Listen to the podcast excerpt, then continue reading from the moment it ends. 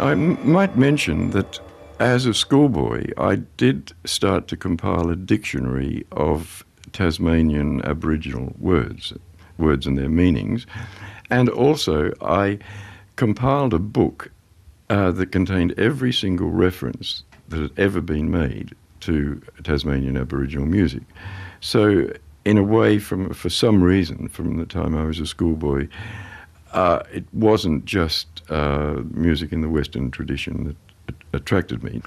No, I hadn't th- thought of it. I, I, was I just loved it and tried to collect as much as I could of it, uh, either you know in the score or a recording.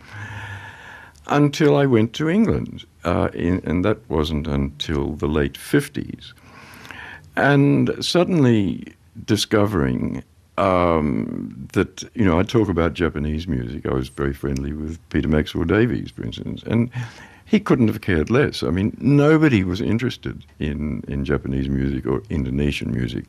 Even my uh, supervisor, Egon Wellesz, I mean, a great authority on uh, Byzantine music, um, he just edited the Oxford History uh, of Music, the first volume, uh, Primitive and Oriental Music.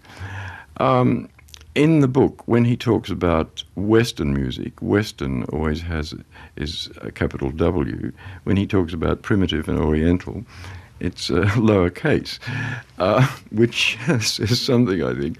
Also, in that volume, this was uh, written in the late 1950s. There's no mention of Aboriginal music. And I said to him, but this is ridiculous. You know, it's one of the oldest musics in the world. And he said, oh, it's not important. It's not in the index, not even in a footnote, and so on. So I think it, it was these attitudes in England that made me realize well, all right, these people over here aren't interested in, in what I'm interested in. I think I'd better pursue my um, thing.